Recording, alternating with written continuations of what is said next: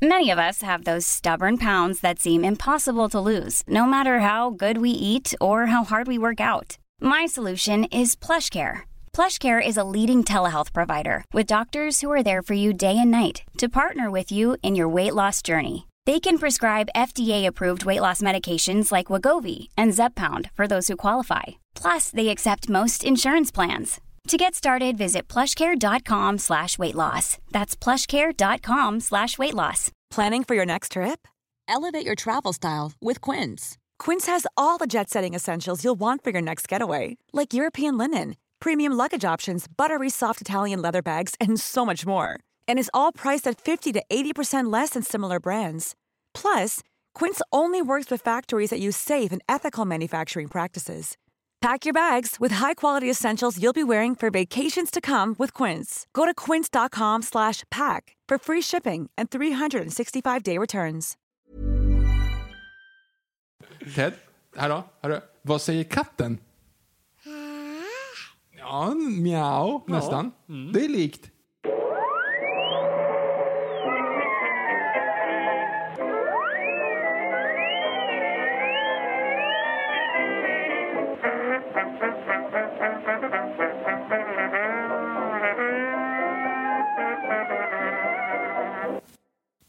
Då börjar jag i stort sett bara. Hej och välkomna till Nörden och jag, det är jag som är nörden Fabian Nordlander. Och det är jag som är jag, Viktor Det här Engberg. är podcasten samarbete med Acast. Vi pratar nördämnen, nördkultur i slags bildande syfte. Jag försöker bilda Viktor i saker han tycker om men inte vet så mycket om. Och idag är en bra dag. Idag är en bra dag.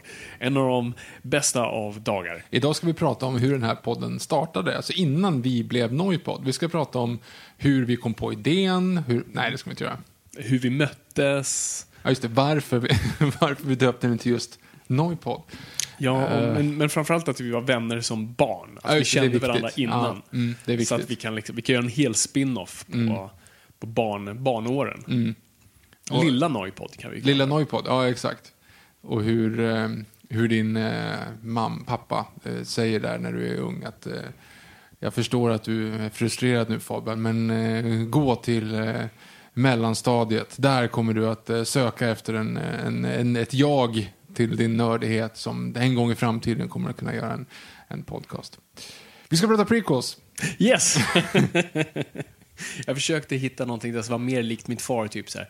Du kommer, det kommer aldrig bli någon podcastare av dig, men det tror inte jag man sa mycket på 90-talet. Jag tror inte att det fanns mycket sånt som faktiskt... Eh, Om min pappa inte är en Time Lord. Tveksamt till det faktiskt. hur som helst, prequels.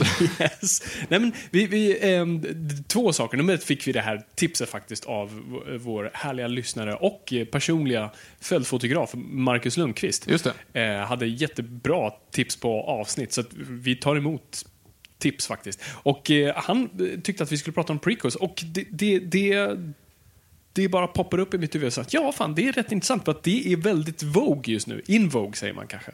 Jag pratar inte mode. Eh, det är Fetch. Vogue. Fetch, ja just det. Mm. Fetch är kanske mer ett nojpoddigt namn för det. För att det, det, prequels, det är inget nytt, det har håll, hållit på väldigt länge, men det känns som det, det kommer komma runt hörnet nu här väldigt mycket. Vi har Young Wallander, som, Ja. som precis har släppts här. Vi har Ratchet, som, som tror jag kommer här runt Just det. Och... Eh, Vi har Vår tid nu som kommer att liksom, vi har en sån här mellansäsong. Vad hände egentligen den där sommaren Nej. där vi inte... Jo, jo. Det kommer en Vår tid nu, när de vill ta tillbaka då eh, Susanne Reuter och Peter Dalle för att Ah, de de var ju döda? Men den utspelade sig från typ 40-talet till Det är det jag 80. undrar, Och de ingen var ju typ så här åldras. 70. Jo, men de gör ju det. Fast du ser ju han, Kalle där, får ju lite så här grått i tinningen sådär. När han är 40 år äldre. De är fortfarande babyfaces, att, eh, och man åldrades lite annorlunda på den tiden. Ja, då blir vi gubbe direkt. Ja, alltså när du ser en som ser ut att vara mellan 80 och döden på tv på 60-talet, den snubben är ju f- 35. Ja, ja, gud ja. Så att, eh, mm, jag vet inte om det där funkar riktigt. Men det, det har jag också funderat på. Eh, gubbar som klär sig som gubbar nu, Ja. de klär ju sig inte som gubbar utan de Nej. klär sig vad de tyckte var fräckt när de var unga och hippa. Exakt, så brukar jag tänka med tanter också. Just den här tantlooken är ju bara, nej, det där var det hetaste modet 1945. Exakt, så då är det ju så frågan, du är inte undra på att vi tycker att de ser gamla ut. Så frågan är om våra barn kommer tycka så här, Backstreet Boys frisyr, då är du 80 eller? Den är tillbaka nu. Jag vet, det är en massa kids med Backstreet Boys-frillor. Det- Vi, vi plågades inte genom 90-talet för att se det återupprepas här igen. Vi slogs för någonting Ja. och det har gått för Ja, rejält. pastellfärgen och stora trycker tillbaka och snedben, eller mittbenan. Jag, Mm. jag, jag, jag fick ju faktiskt lite grann en halvchock här för några år sedan när jag kom ut och råkade gå förbi Östra Real och var jävlar vad alla ser likadana ut och har de, är det någon temafest? Men som, aha, okej. Ja.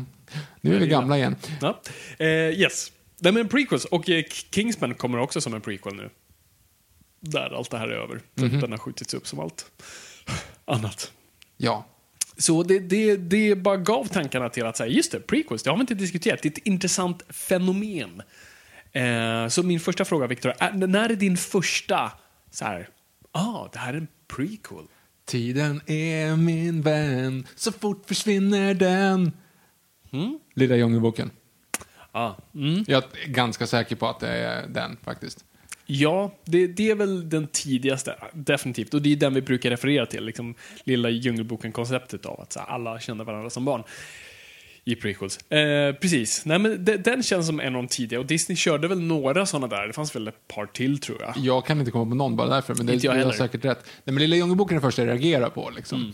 För att då när man var barn så fanns det ändå så här, aha, okej, m- men ja, ja, let's go for it. Liksom. Jag gillar Djungelboken. Mm. Men sen liksom, när de börjar komma mer så är det så här, okej, okej, nu, nu kan ni sluta. Liksom. Mm.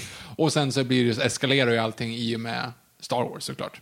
Yes, ja, men det är väl första gången man, man, man liksom snubblar på konceptet prequel. Jag tror det jag kommer ihåg främst som ger just den här känslan av att så här, aha, eh, det var Lill- Lilla Jönssonligan. Ja, just det, det tänkte jag inte ens på som ändå just hade de här, alla komponenterna av att de var vänner som barn.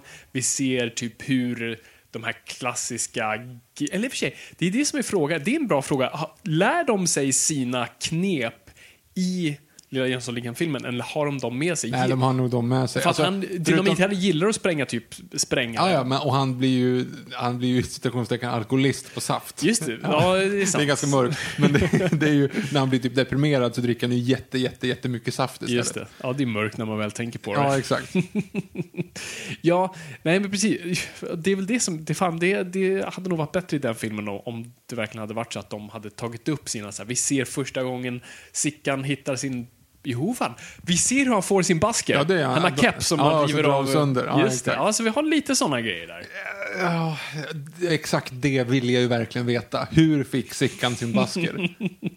Ja, De tar dock upp varför man tror att han heter Sickan. Hans syrra heter ju Sickan egentligen. just det. Och så blandar de alltid ihop dem, de är så lika som blandar ihop dem hela tiden. Så får han heta, fortsätta kallas Sickan. Just det. Ja, men den har ändå några bra. Alltså, Ja, Jönssonligan är den, den första är väldigt bra. Andra är också bra.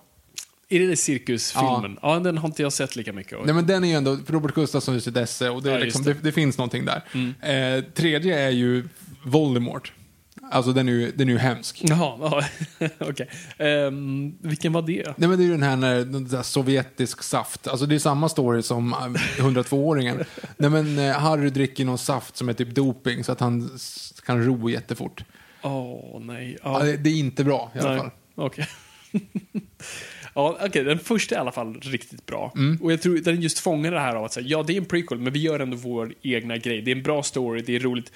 Den sommaren vill man inget annat än att åka lådbil. Ja, ja, exakt. Eller samla på filmisar som man ändå inte Ja, brydde sig om. Men det var ju ändå så här, de gör det. Exakt, om man frågade sin mormor, de hade då filmisar. Ja. Va? Nej? ja, ja. Så är det. Eh, om du utifrån det då, liksom så här, vad är, det, vad är eh, historien bakom prequels? Hur långt har du kunnat hitta prequels tillbaka i tiden? Liksom? Jag vet ärligt talat inte. Det är det som svår genre på så vis. Alltså, Eftersom det är, det är egentligen ett ganska nytt koncept. Alltså uppföljare i, alltså när man väl gjorde uppföljare, det var, det var egentligen en B-film av sin första film som var en A-film och då gjorde de billigare och allt sånt där. Det var inte riktigt en tanke om att göra The, La- The Land Before Time höll jag på att säga, vilket jag sa. Det är inte det. Glöm vad jag sa. Nej, men så, så det finns ingen liksom konkret story där kring. Ut, utan det, det är egentligen ganska modernt koncept som verkligen, jag tror, populariseras med Star Wars. Att just så här, ah, vi kan berätta, vi, vi kan på något sätt fånga den gyllene, det gyllene ägget med det genom att både få det familjära och det nya. Så du, du, du kan starta en helt ny story, men du kan, en, men du kan ankrar det samtidigt i någonting vi känner till så vi känner oss trygga. Så att yes, det är Star Wars, det är helt nya stories, men vi kommer ändå ha våra moments där vi får se hur Anakin blir Darth Vader. Vi kommer få svar på frågorna vi hade. Eh, samtidigt får vi lära känna nya karaktärer. Och det, alltså, säga vad man vill om de filmerna, de drog in en jävla massa pengar och jag tror folk gillade ändå det konceptet av film. Um, så det är, väl, det är väl det jag kan komma på. Sen kan du ju gå tillbaka liksom, och vi kan ju prata om dem. Är Gudfadern del 2 en prequel? Är gode fule en prequel? Är Temple of Doom en prequel. Vi ska diskutera de här sakerna. Men, men, men jag tänkte kolla just på så här, vilka som gör det rätt och vilka som gör det fel. Och, och jag, liksom, jag har försökt hitta franchises som gör det rätt versus fel. Och jag har inte hittat någon som gör det rätt. För jag försöker hitta, vad, vad är de största prequel-franchiserna? Det är Star Wars, det är Hobbit och det är, mm, ska vi säga Fantastic Beast. Fanta ja, men det måste ju vara. Det är ju Om det räknas som en prequel. Men det är klart det gör. De försöker ju hela tiden hinta om det. Jo, jo det, det, men exakt. Problemet med Fantastic Beast var ju att det snarare lovades nästan, utlovades som en slags Hobbit-film. Så här, det här är en separat story i det universumet. Här har vi den här karaktären som nämns i en paragraf i någon av böckerna som inte ens en karaktär där, utan han har skrivit en bok som karaktärerna läser. Vi ska följa den här snubben. Eh, och det kommer vara he- sina helt nya äventyr eh, som utspelar sig typ 60 år innan eventen som är Harry Potter. Och tänker man, fan vad nice. Det är ju precis här man vill bygga universum. Precis som i Sagan om ringen också. Det finns en tusenårig historia, vi kan bara droppa in vart vi vill. Och det familjära är just känslan. Och det är oftast det de bästa franchiserna har. Vi gillar känslan av Middle Earth, vi gillar känslan av Hogwarts och allt sådär. Och det var ju det vi på något sätt lovades med Newt Scamander? Scaramanga? Scaramanga? Scaramanga. Newt Scaramanga. Och, ehm, men det var ju verkligen som de bara fegade ut i sista sekund. För Ja. att första filmen ja, ja. var ju typ det. Ja, ja, ja, ja. Typ. Ja, ja, okej. Och sen andra filmen var ju bara rent liksom. Big Floppy Donkey Dick. Big Floppy Donkey Dick på Dumbledore Begins. Mm, ja, jo. I stort sett. Och det verkar vara att det är åt det hållet vi bygger nu. Eh, jag antar att det är fler, ja det är ju massa, jag kan inte min Harry potter Nej, men jag kommer inte ihåg hur många, hur många filmer de planerade, men från början har jag att de så planerade absurt många. Ja Jag men vet inte om fem, och det får nog fortfarande planen. ah, det är, va, Varför?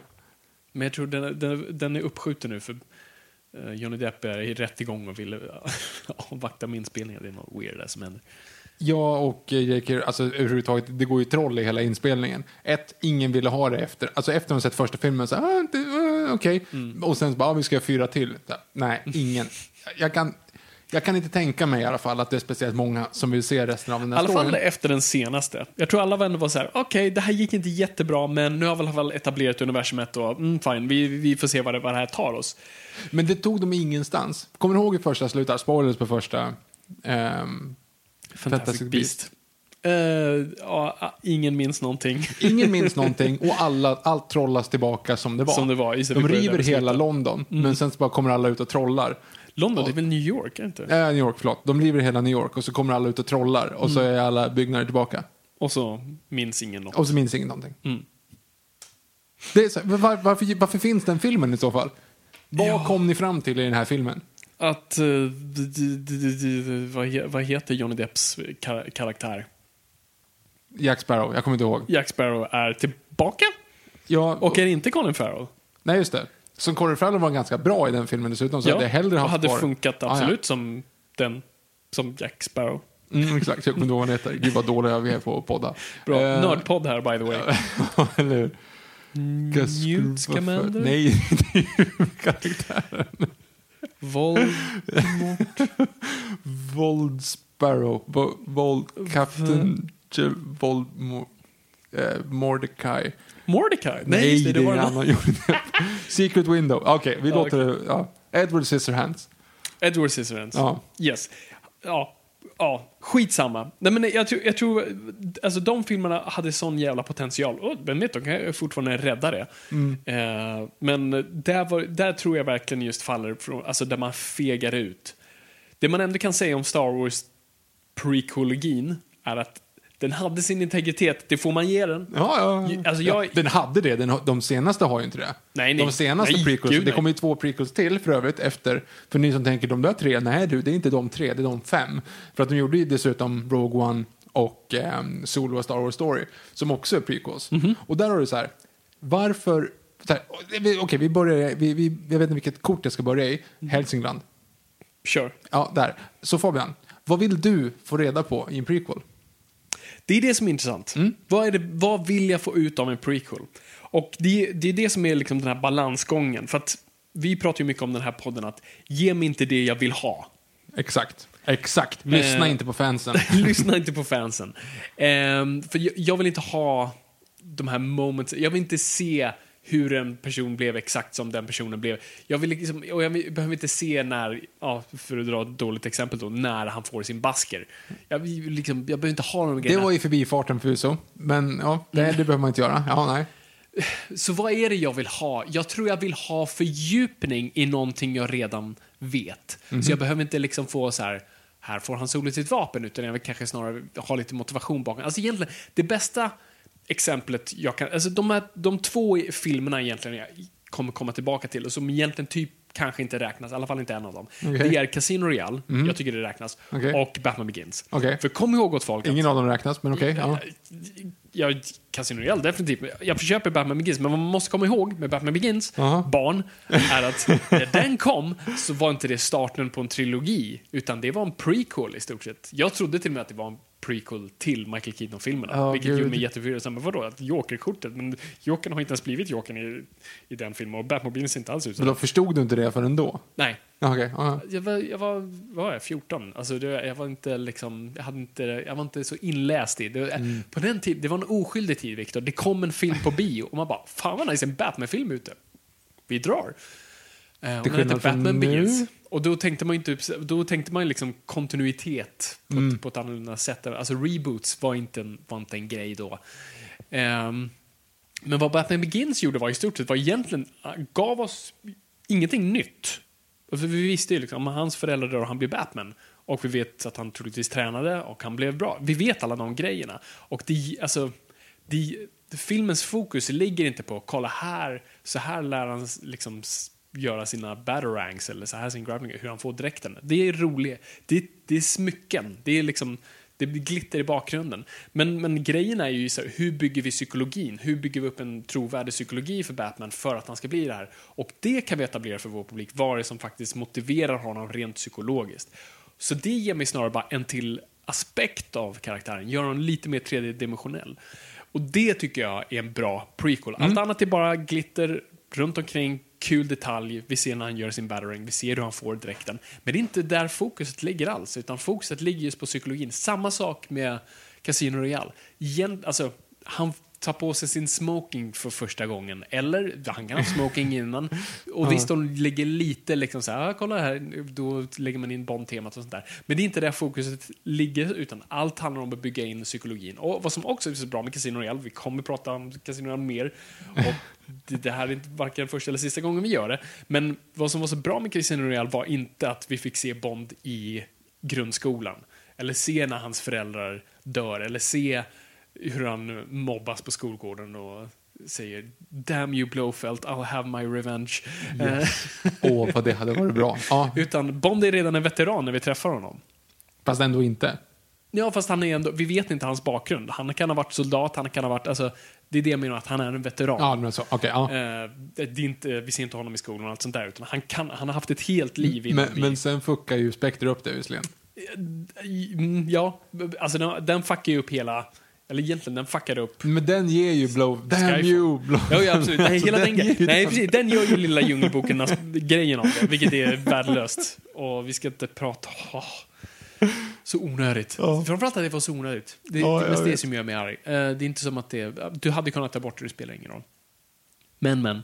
Så det, det är väl det jag vill se i en prequel. Mm. Eh, Så den prequel-filmen vi pratar om, in, ja, just det, så till liksom, Han Solo lägger ju bara fokus på hur han får typ, hur han träffar Chewie, hur han får sitt vapen. Ah, Och det är eh, inte bara så. Så här, allt, all Han Solos dialog i eh, första Star Wars, alltså fyran, eh, löser du i den filmen. Mm. Eller förklarar du i den filmen. Han säger ingenting som inte tas upp i den filmen. Nej. Det är liksom, och dessutom i, femman också, för det är ju hur han träffar Lando Calrissian. Ja. Men de gör det på ett, fel, alltså på ett fel sätt så att det blir nästan parodiskt. Mm. Okej, räkna upp här nu. Vilka saker får vi reda på genom Hans Solo? Vi har hans namn, Vi har hur han får sin pistol. Ja. Vad de där tärningarna är för någonting. Ja. Eh, varför han, eller hur han träffar Chewbacca. Varför han kallar honom Chewie och inte Chewbacca. Eh, vi har eh, hur han träffar Lando. Vi har ett Kessel Run. Ja. Vi har Parsec. Hela den, alltså den är, att den går så på, pass fort. Och, så här, och sen bara så tillbaka så. Skeppet ser ut som skeppet gör. Ja, ja exakt. Och sen så kommer du tillbaka då till den här grejen så här. Till exempel, hur- varför förstår han Chewbaccas språk? Det vet vi inte. Han förstår bara Chewbacca när Chewbacca Han kommer kan dit. till och med prata. Han kan till och med prata, exakt, han, han förstår vad Chewbacca säger. Och det är det som får dem att bli kompisar. Så, här, och så, så då har vi alltså, origin story på Chewbacca är att han är typ ett monster som äter människor. Och sen är det någon som förstår vad han säger och då blir han snäll. Som i, låter som en plott ur Lilla Djungelboken. Ja men det är så här, det, om du bara räknar upp de grejerna som är så här, det är ändå typ sju, åtta grejer som är helt irrelevanta. Men hela filmen bygger på att vi ska bara förklara en massa saker. Mm. Ja, men exakt. Och det är där det faller he- helt fel. För att, vad lär vi oss faktiskt om Hans Solo? Vad är det för psykologiska och, och, grejer förlåt, bygger nu, in? det var, min poäng försvann, jag glömde bort säga det. Men poängen, alltså så här, och till exempel då att han inte kan prata, prata, prata med Chewbacca, det är en grej. Men varför han är som han är, Mm. det är ju egentligen fel. För han börjar som han är i första Star Wars. Mm. Alltså lite så här roguish och cool. Sen blir han ju liksom typ god, eller vad man säger. Mm. Alltså det avslutar ju med att han typ startar The Rebellion. Ja. Alltså sista scenerna där, för det är ju de som typ startar The Rebellion sen. Ja, de, då blir The Rebels de här personerna som han hjälper.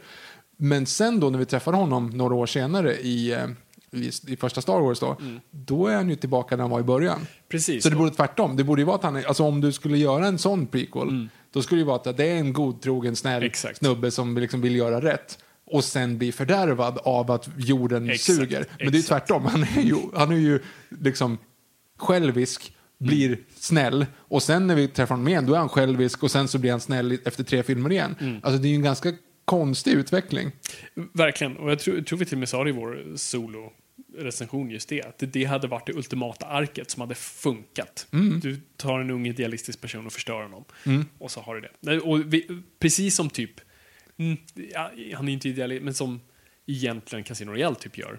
Alltså, nej, men den bryter ner honom. Den, så här, vi får typ den Bond vi känner. Ja, ja, för att till, Vesp, liksom. hans störst, stora kärlek, spoilers för övrigt på Casino Royale, hans stora kärlek förråder honom och Ja. därför blir han en masochistisk eh, liksom, iskall mördare. Precis. Eh, och uh, därav funkar det. Och Mm. det som är så bra är att du, du behöver inte se Casino Royale. Alltså, det, den, den tar inte bort någonting från någonting annat. Den, den tillför egentligen ingenting utöver om du inte är intresserad av det. Det är det som är så bra med den. Att den, liksom, den finns där som ett kompendium till hela Bond-filmerna. Utan det, och nej, det, det är det jag gillar så mycket med den. Ehm, och samma sak med Batman Begins. Bara, att det, det bara flashar ut snarare karaktären, inte så mycket sakerna.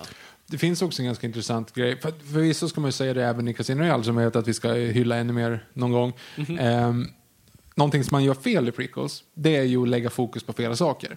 Det är ju till exempel, kommer den här personen att överleva?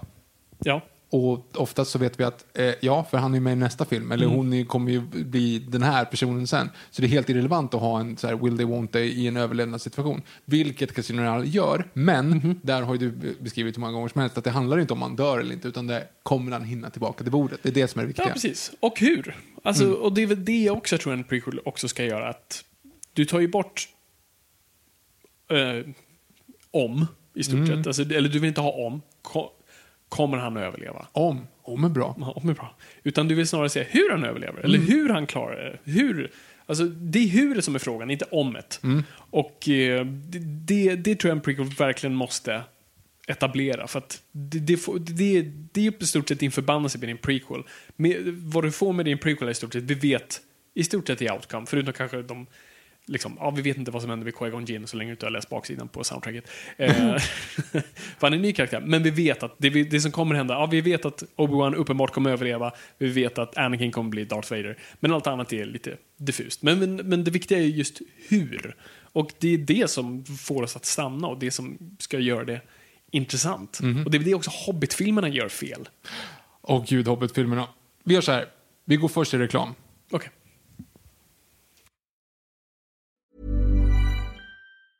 Many of us have those stubborn pounds that seem impossible to lose, no matter how good we eat or how hard we work out. My solution is PlushCare. PlushCare is a leading telehealth provider with doctors who are there for you day and night to partner with you in your weight loss journey. They can prescribe FDA-approved weight loss medications like Wagovi and Zepbound for those who qualify. Plus, they accept most insurance plans. To get started, visit plushcare.com slash weight loss. That's plushcare.com slash weight loss. Hey, it's Paige DeSorbo from Giggly Squad. High quality fashion without the price tag. Say hello to Quince. I'm snagging high-end essentials like cozy cashmere sweaters, sleek leather jackets, fine jewelry, and so much more. With Quince being 50 to 80% less than similar brands. And they partner with factories that prioritize safe, ethical, and responsible manufacturing. I love that. Luxury quality within reach. Go to quince.com slash style to get free shipping and 365-day returns on your next order. quince.com slash style. Imagine the softest sheets you've ever felt. Now imagine them getting even softer over time. That's what you'll feel with Bowl and Branch's organic cotton sheets. In a recent customer survey, 96% replied that Bowl and Branch sheets get softer with every wash. Start getting your best night's sleep in these sheets that get softer and softer for years to come. Try their sheets with a 30-night guarantee. Plus, get 15% off your first order at bowlandbranch.com. Code BUTTERY. Exclusions apply. See site for details.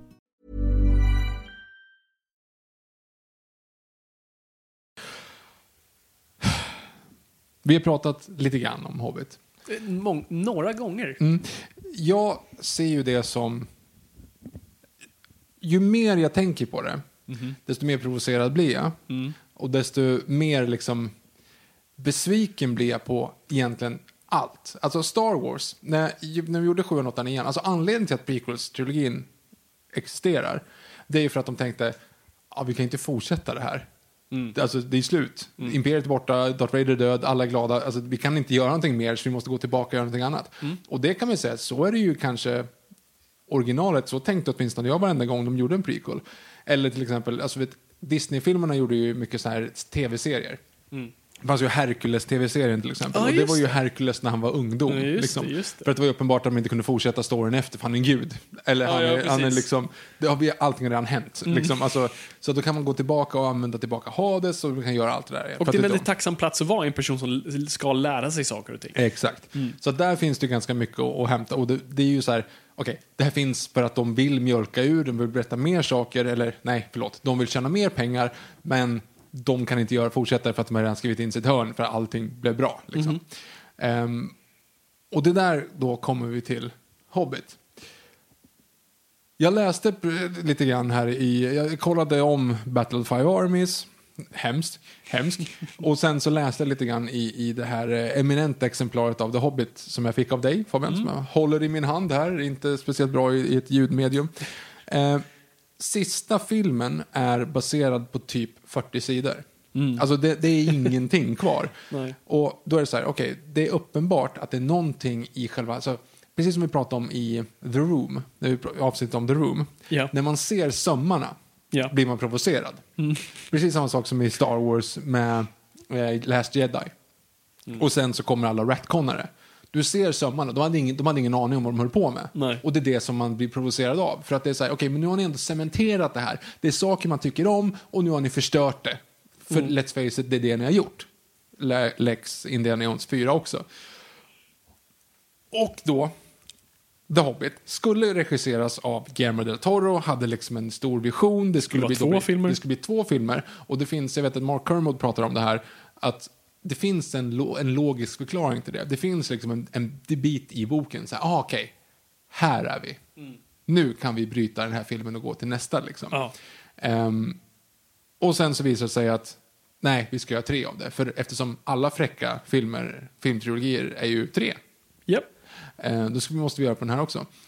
Och då är det så här, vi har ju sett bakom filmer där Peter Jackson bara så här, går omkring och så här, thousand miles there. Han, han, han vet inte vad han håller på med. Nej. Ingen vet vad de håller på med. Andy Serkis som är second unit director håller på och regisserar fighting-scener I framför källaren. en green screen i en källare i typ två veckor tills någon bara ringer och säger bara, "Äh, nej hörni, stäng ner, jag vet inte vad vi håller på med. Liksom. Så ingen av de scenerna används, allting bara skrotas. Ingen, vem styr båten? Ingen. Vart är vi på väg, Karin? På semester älskling. Och när man ser om den så är det så här, okej, det här är uppenbart också inspelat vid en annat tillfälle på det sättet att de är inte regisserade på rätt sätt.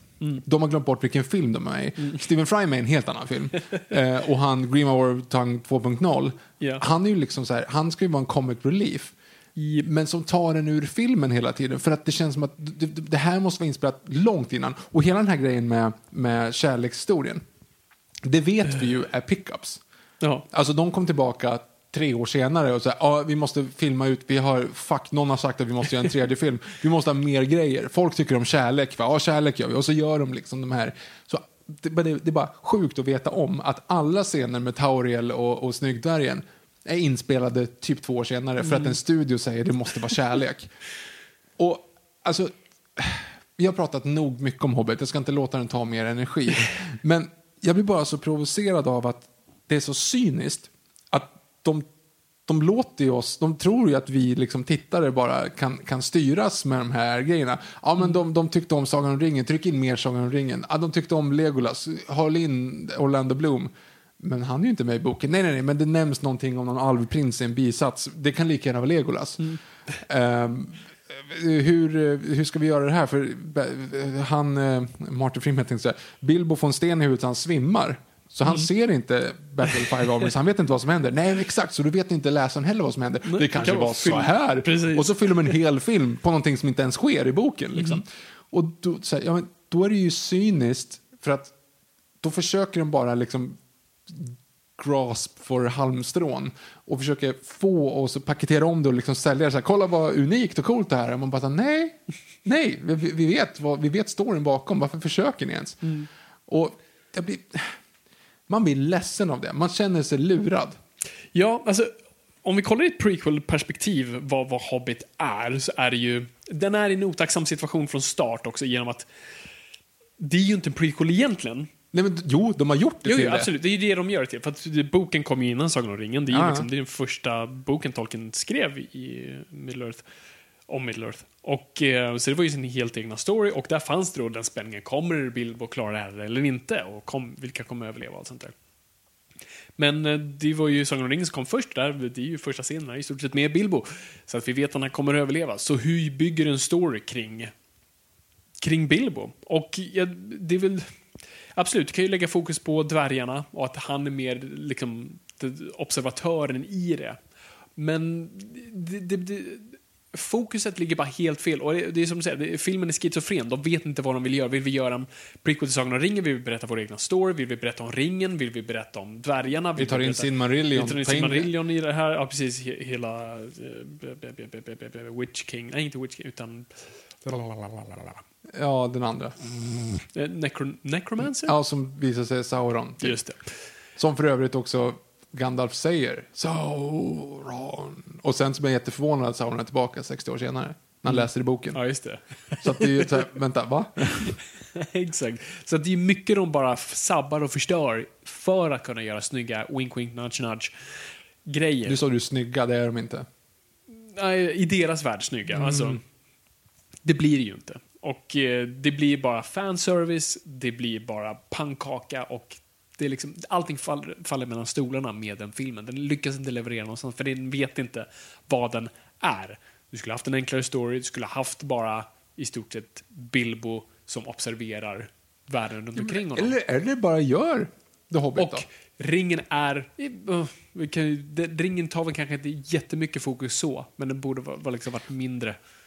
Jag har hört, Ja. det är alltid bra att lägga in nollkälla på det. Mm. Men att Tolkien visste ju inte heller att det här skulle bli Sagan ringen när han skrev boken. Nej. Så han fick gå in och retconna i, fler, i, nästa, ut, Ja, gud, ja. i, i nästa utgåva på Bilbo. Alltså hittar du de första utgåvorna av Bilbo, då är konversationen mellan Gollum och Bilbo annorlunda.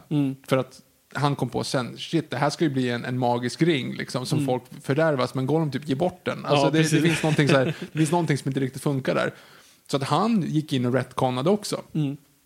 Så att, mm, liksom, låt det vara så. Men, ja, nej, ah, Nej, men, Så då kan man titta på, om man ska kolla på en annan film för att se om man gör det rätt eller fel i, i ett slags liknande syfte. Prometheus. ooh, Som vi också pratat mycket om. Jag tror Ah, vi tillägnar ett helt avsnitt till Prometheus. japp. Eh, och, eh, men det är också ett intressant koncept genom att vi gör en prequel, men vi, tanken att vi ska berätta vår egna story. Mm. Det var tanken i alla fall, sen blir det ju inte så. Inte Alien Covenant. Men, men i Prometheus tycker jag fortfarande berättar sin egen story. Ja, alltså, mm, alltså inte hundra procent. Den, den faller också lite mellan story. Mer, bättre än, än Hobbit, helt klart. Eh, men, Men, vad det menar du med att renare. inte... Hur då? Hur menar du? Eh, jag tror bara fokuset skulle... Alltså, jag, sista akten blir ju lite mer åt liksom Alien, Alien prequel. Det är det ju hur, inte. Hur en Xenomorph blir till. Det, typ. men, det är det ju inte. Fast egentligen inte. Nej, det är Det sant. ligger ingen fokus på det. Det enda de gör är att den liksom, sista scenen är så här, den där påminner lite grann av en Xenomorph kanske. Det är ju enda den gör. Sen gör den ju inget mer. Mm. Nej, nej det, det är förvisso sant. Det som är positivt med den och vad den hade kunnat göra fel är ju just att den, vad vi trodde är att vi ska få reda på exakt den här space jocken som vi ser i Alien, vad som händer med den. Exakt. Det här är ju inte det, för vi Nej. får ju reda på att det här är en helt annan planet, det här är en helt annan, liksom, helt annan koncept. Vi får bara reda på vilka de här engineers är för någonting. Och vi berättar en helt annan ny sci-fi story. Mhm. Det, den filmen är inte perfekt, men det tycker jag är helt rätt väg att gå med prequel. För att Charmen med Alien är ju på något vis hur läskigt det är att vi inte vet vad någonting är. Det tar ju Prometheus lite bort ifrån Alien såklart. Men i alla fall, den lägger inte allt för mycket fokus på att bygga just för vad som händer. Men återigen, du vet ju inte, alltså om du tänker på när du, när du ser filmen Alien så spelar inte det någon roll. men alltså, det- Du vet ju fortfarande inte vart de kommer ifrån. Det är ju bara så här, Nej, de absolut. weirda djur på en weird planet. Jo, men det är inte så att så här, fortfarande- ah, jag exakt vad det här djuren är för någonting. Du vet ju inte. Nej, men Space Jocken ändå är fortfarande bara en weird, konstig grej Ja, som jag ja. fortfarande gillar att så här, vad ens är det? Är det en stol? Är det ett skelett? Är det en person? Vad är det där för någonting? Det ser ut som en penis. Det så många frågor jag inte vill ha svar på. Men om man var tvungen att gå en väg och göra en Alien prequel var det helt rätt väg att gå. Vilket sen helt sabbar i Alien Covenant. Ja, Alien då de Covenant, måste ja. säga, nej men nu måste vi få reda på hur Alien faktiskt blev till. Då det är Michael Fassbender som sitter i- i en källare och liksom gör dem. Ja, och man stryker hela Elizabeth Shaw liksom i en bisats också. Ja. Så jävla dumt. Så där är också, på tal om alltså, schizofrena franchises och hur man retconnar i realtid alla Star Wars sequels. Uh, fan, ja, som sagt, vi, vi är inte här för att nu ändrat oss om Star Wars prequelerna, men vi har varit väldigt konsistent på poängen av att de har integritet, de har en röst. Ja, ja, de- det, är liksom, det, är, det är en clusterfuck av helt andra anledningar, men det var i alla fall en visionär som hade en vision och genomförde den. Ja, ja. Sen kan vi diskutera om den visionen var bra, men fan, integritet på den snubben måste man ändå... Problemet med dem är ju manuset. Ja, ja, absolut. Manuset och att det är liksom när Rom föll och de satte katter på tronen. Alltså hela den här grejen att han bara går omkring och vet inte heller riktigt vad han vill. Han, han låtsas. Mm. Det är fake it till you make it deluxe när han går omkring och ska designa dem. När det bara så här, bara jättemycket olika liksom. stämpel där. Ja, han sätter bara stämpel. Den är bra, den är bra, den är bra. Han har ingen vision, han bara så här, det där kanske är bra, det där kanske är bra. Nej, Men precis. i själva storyn. Eh, jag skulle vilja göra ett litet test på dig Fabian. Okej. Jag tänkte på det här för att jag hittade mina DVD-er av mina av prequels, Star Wars prequels. Oh. Så att, eh, jag skulle vilja bara ställa dig en fråga. Mm. Vad heter de tre prequels-filmerna på svenska? Det vill säga, vad gick de upp på bio på i Sverige? Oh, Bra, okej. Så första hette... Okay, The Phantom Menace hette Det mörka hotet. Exakt. K- vad hette Attack of the Clones? Det är inte Klonerna anfaller? Klonerna anfaller. Det är det? Ja. Och, Och då, vad heter den tredje? Revenge of the Sith är... Vad fan är det? Exakt. Hade den ens en svensk titel? Ja, den hade svensk titel. Sithens återkomst, Jafars återkomst, Sithens eh, hämnd. Här har den framför dig. Åh, shit. Okej, lyssnare, har ni, har, ni, har ni ett svar i ert huvud? Mörkrets hämnd? Det, jag låter har aldrig tänkt... vi hade kunnat titta på. Exakt.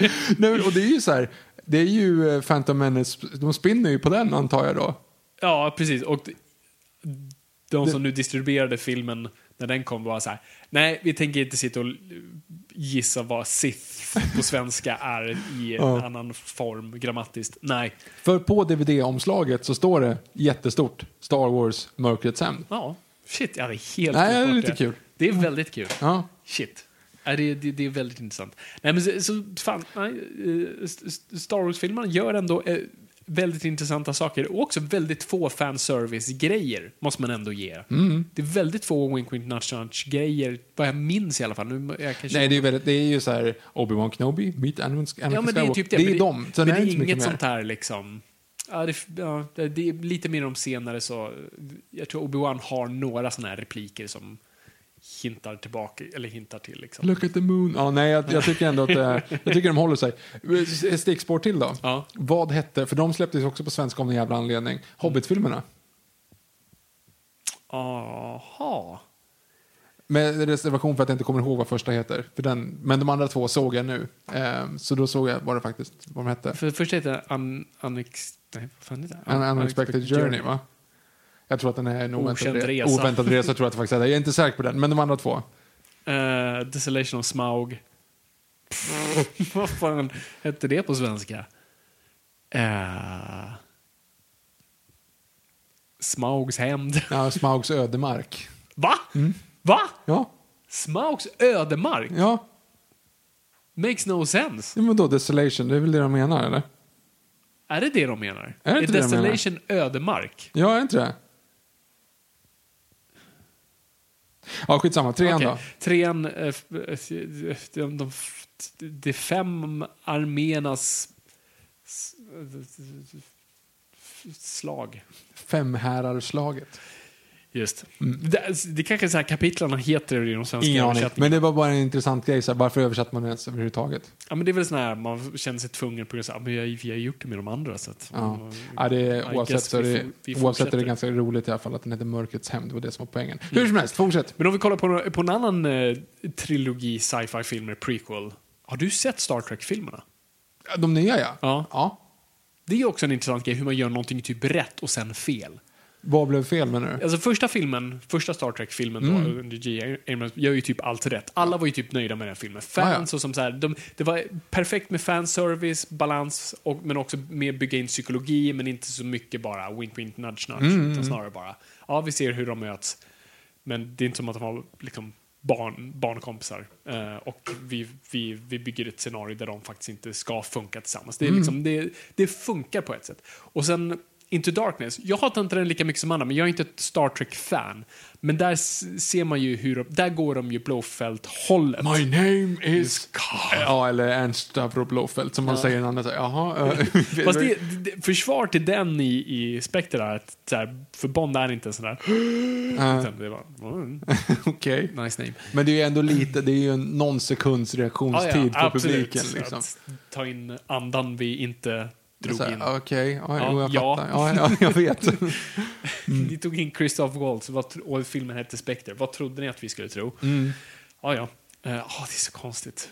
Och, för, och alltså, framförallt är det, just, det jag tycker en fuck you till publiken som kanske inte är uppvuxen med Bond. Av att så, här, så han heter en sak först och nu heter han en Ja, annan. ja. Okej. Ungefär som, eller som i eh, Dark Knight Rises då. När de sista scenen så här, men ska du inte använda ditt riktiga namn? Och han säger, yeah, my real name, Dick Grayson. jag, jag satt och tänkte på det sist jag såg det, om man bara hade bytt ut vad hon säger. Så här, you should use your real name. Dick. det, hade, alltså, det hade ju dödat i alla biografer helt. Det hade, ju liksom, oh, herregud, det hade inte flugit någonstans. Ja, ja, vad kul. Uh, ah, flying Graysons. Ehm, så att, ja. Men det, nej precis, det hade ju inte funkat. Så jag förstår, Nej. jag, jag förlåter dem för det. För att det är så här, vad ska de göra? Jag, jag, jag tycker de hade kunnat strukit det, för man fattar ingenting. Nej. Det betyder ingenting. Robin? Ja. Nej, nej, absolut. Så, eller det betyder ju någonting, det är mer än... Jo, men han heter ju inte det. alltså, jag han vet. heter inte Robin, utan det är ju som att säga att, att till Christian Bale, eller till så här, Bruce Wayne, you should have used your real name, Batman. så här, Jaha, okej. Robin är ju Alltså, rödhake, det är ju det som är grejen. Han är, en, han är liksom, han är Spindelmannen, han är rödhakemannen. Alltså, det är det som är grejen. Det handlar ju inte om att han heter Robin. Nej, precis. Är det- Det hade varit, det kanske är det vi får lära oss nu i The Batman, att Ja, det. Bruce Wayne heter egentligen Bruce Batman Wayne. det, är därför, det är därifrån han fått namnet. Fan vad smart. Det är ju faktiskt det vi inte fick svar på Ja, i. Batman Begins. Han är bara från att han inte har dräkten till att han har dräkten och sen säger I'm Batman. Nej, han säger faktiskt Bat scares me, vilket man är ganska, ja, inte så trovärdigt, men det... Det är det väl? Jag är rädd för fåglar. Ja, men han säger Bat scares me, han står där bi- biffig och cool och, man, och sen så klättrar han omkring bland massa fladdermössen. Han ser ju inte så jävla rädd ut när de kommer där sen. Fast det Åh, Viktor! Åh! Åh! Så, han går ner i grottan, fladdermössen kommer, han blir först rädd. Ja. och sen omfamnar dem. Jaha. Det, det är arket. Är det, jaha. Tillbaks till Carl Jung omfamnar sitt skuggjag. Skitsamma. Det makes full sense och är jättebra. Och det är då han, han överkommer sin rädsla för att sen utöva den på andra. Ja, tänkte inte på det. Nej, nej, du tänkte inte på det. Nej. Men, jag förlåter dig. Men tänk om man hade varit rädd för något djur som inte är så coolt som en fladdermus. Alltså typ, tänk om man var... Fågel. Nej, nej men paddor. Alltså, Duvmannen. livrädd för paddor. The, the Toadman. man. Rabbit. ja, men, så här, li- kryper omkring i små vattendrag så där. Blir ofta överkörd av bilar. Alltså, det är ganska svårt att liksom applicera det på ett superhjältepersona. Ja, ja. Istället Så för ett jävla tur att det var just fladdermöss. himla tur. Mm. Okej, vi låter det vara osagt. Har du sett alla Star Trek-filmer? Alla, alla Tänk om de- koalor, att han tycker att koalor är obehagliga. Bara Sitta i träd och sova i 19 timmar om dygnet. Det hade varit Hello, my name is Bruce Wine. Koala man. I'm, ko I'm koala man. Det blev konstigt. Eh, I alla vi, fall. vi förtjänar inte en podcast. Vad Har du sa du? sett alla Star Trek Vem? prequels? Ja men det var två va? Tre. Tre? Då har jag tre. sett två. Det, trean såg typ ingenting. Nej, okej, Ingen, men sett. det var ändå okej. För att det var, var ändå, ettan var för att sätta upp liksom, det här är karaktärerna som Mm. du känner. Det här är så du får, vi använder en liten travel, eh, time travel-grej som är lite kul. Jo men på något sätt, så här, de legitimerar ju att de gamla filmerna finns. Exakt, vilket är Ja. jättesnyggt. Det är på något sätt att du får, du vill ha kakan och du får äta den. Det är på något sätt är den ganska perfekt på så vis. Andra filmen, vi hela Khan-grejen och det blir bara weird och Det är väl en egen story? ja, men du vill ändå hin, liksom hinta till den, äh, den Wrath of Khan. och- kan, oj. Jag såg ingenting i natt, jag har barn. Eh, den kan är ju inte samma kan som... Nej, nej, jag, jag vet, jag vet. Så att det är ju inte en hint. En annan grej som den filmen gör, som också Spectre gör för en annan kod, båda har smart blood. Just det, det är lite kul. Det är en in intressant aspekt. Tredje filmen är bara ett ren, rent av ett äventyr, vilket var Aha. en helt rätt väg att gå. Alltså det är bara, så, nu, nu ska vi bara ha kul med de här karaktärerna. Nu är det liksom Kirk-gänget som... Ja, den blev ju äventyr. nominerad till en Oscar i samma kategori som eh, 101-åringen. Smink, antar jag. Ja, exakt. Eller om det var en man som hette Ove. Skitsamma, den var nominerad med Någon svensk film i alla ja fall. precis. Ja. exakt. Nej, men så, så, så Star Trek är också, tycker jag, bara ett fall av att hur du gör rätt, fel, rätt. Kul ändå om det skulle vara så att, jag vet att vi har pratat om det förut, men varför fick en man som heter Ove en Oscarsnominering egentligen för smink? För så jävla bra är den inte. Det vore kul om liksom kommittén och de här gamla gubbarna som sitter där tror att det är han Filip Berg som spelar. Liksom, Holy shit! De har missat att, Rolf Lassgård finns. Det är faktiskt, för att det är inte så mycket smink på. De- Han har en ballcap. ja. Ja, det Det det. hade han i Aqua också. Alltså det är liksom inte... Och han har på sig en annan kostym. Så visst, för oss som känner Rolf Lass- Lassgård med sitt ljuvliga hår, ja, då var det verkligen en body Ja, ja. transformation. Men Ja, ja, men annars är det ju inte så jättemycket. det är faktiskt jätteintressant. Jag har inte ens tänkt på det. Mm. Man, är bara, man är lite förbliven av sin stolthet. Så här, Fan vad coolt att en svensk film fick en Oscars. Ja, men varför? 101-åringen fattar jag. Liksom. ja, ja, absolut. Och framförallt så för det storyn framåt. Han ska vara liksom, du följer honom i alla skeden av livet och han Japp. är liksom både ung och gammal. Det finns en logik i det. Japp. Eh, men i eh, En man som heter Ove är det ju inte så. Nej, du har två helt olika skådespelare. Det är jättekonstigt. Du ser- Ja, det är alltså- klart, han är ju halvgammal i någon scen där också. Men ja, Ja. ja men det, det, det är intressant och eh, coolt av en svensk film. För att uppenbart är det ju Oscarslobbande. Det är ingen kritik, det är så det funkar. Och eh, då måste SF ändå varit rätt... Jag var på kontoret då, då de fick nomineringen. och Då hade de kört upp det på projektorn och vi alla satt och väntade på. För det var ändå... Buzzet var att det kommer komma någon form av nominering. coolt. Och det kom den. Fick, den fick inte bästa utländska va? nominering, vet tror jag jag. inte. Jag kommer inte ihåg. Jag vet inte. Skitsamma. Skitsamma, det är inte en prequel. Fast typ den har prequel moment i Nej, sig. den har bara Vi flashbacks. vet hur mannen som heter Ove blev... Hette, mannen blev som- Ove. Öh, vi förtjänar inte en podcast. Victor. Nej, fy fan. Men eh, okej, så gå in på några andra. Så två till franchises som, som, som gör, jag tror, en gör det rätt och en gör fel. De har ingenting med varandra att göra, men det är två jag kom på. De gör saker i alla fall. Go. Den ena är Hannibal. Aha. Det, de gör ju... Och där gör du ju både rätt och fel. Ja, det är jättefel på en... Du gör, du gör rätt, du gör eh, och du gör uh, Det är jättesvårt att förstå skillnaden mellan uh, på... Det var dåligt. Uh, alltså, det var jättefel. Kanske. Ja, exakt. Ehm, för du har ju Lammet tystnar, Mhm. den första filmen. Lite samma som Hobbit-konceptet här. Av att du gör den andra boken. Mm. Första boken är Röd drake. Ja. eh, som Thomas Harris skriver och sen skriver han Lammet tystnar. Den blir en större hit. Så det är inte så konstigt att det är den de gör till film. Och det funkar i sitt egna, liksom, du kan läsa den boken utan att ha läst Röd drake. Yes. Så de gör först den och sen så, såklart gör de på Hannibal, själva, eh, som också blev en bok som de snabbt plockade upp och gjorde film på. Eh, Ingen jättehit sen- kanske. Eller ingen jättebra film, måste jag säga. Den åldrats bättre. Har Jag inte minns den på som att den inte vi, var så bra. Jag, jag, när, vi, när jag förberedde för, den här, för det här avsnittet tänkte jag shit, vi måste prata om Hannibal. För att det är också sådär, den prat, man pratar inte om Hannibal-filmerna längre. Nej. De har liksom fallit ur lite. Liksom, det är ingen som återkommer och jag tycker Lammet tystnar är så värt att prata om och det är värt att återse Hannibal. Mhm. Eh, för jag tycker den är underskattad. Alltså man ska komma ihåg att det är Ridley Scott som regisserar och David Mamet som skrivit den. Vet vem det är. En av de bästa manusförfattarna någonsin. Förlåt. Ehm, och det är ascoolt. Och du har jättebra skådespelare. Du har Gary Oldman, du har Julian Moore som ändå försöker. Ja, ja, gud. Eh, det har väldigt bra koncept, men absolut, den lider av...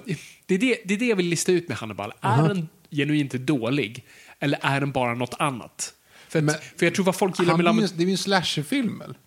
Han mördar ju folk på liksom så extravaganta sätt istället. Att han skär upp inälvorna och Ja, så hänger han utan. en. Jo, Det är men det enda jag kommer på som är liksom extravagant. Det, har jag blandat ihop det? Men eldar den inte upp en snubbe också i en rullstol? det är Röd drake. Det är Röd drake. Förlåt, det är Philip Seymour Hoffman för fan. Ja, just Jaha, det. det- Ja, just det är det. weird. Förlåt.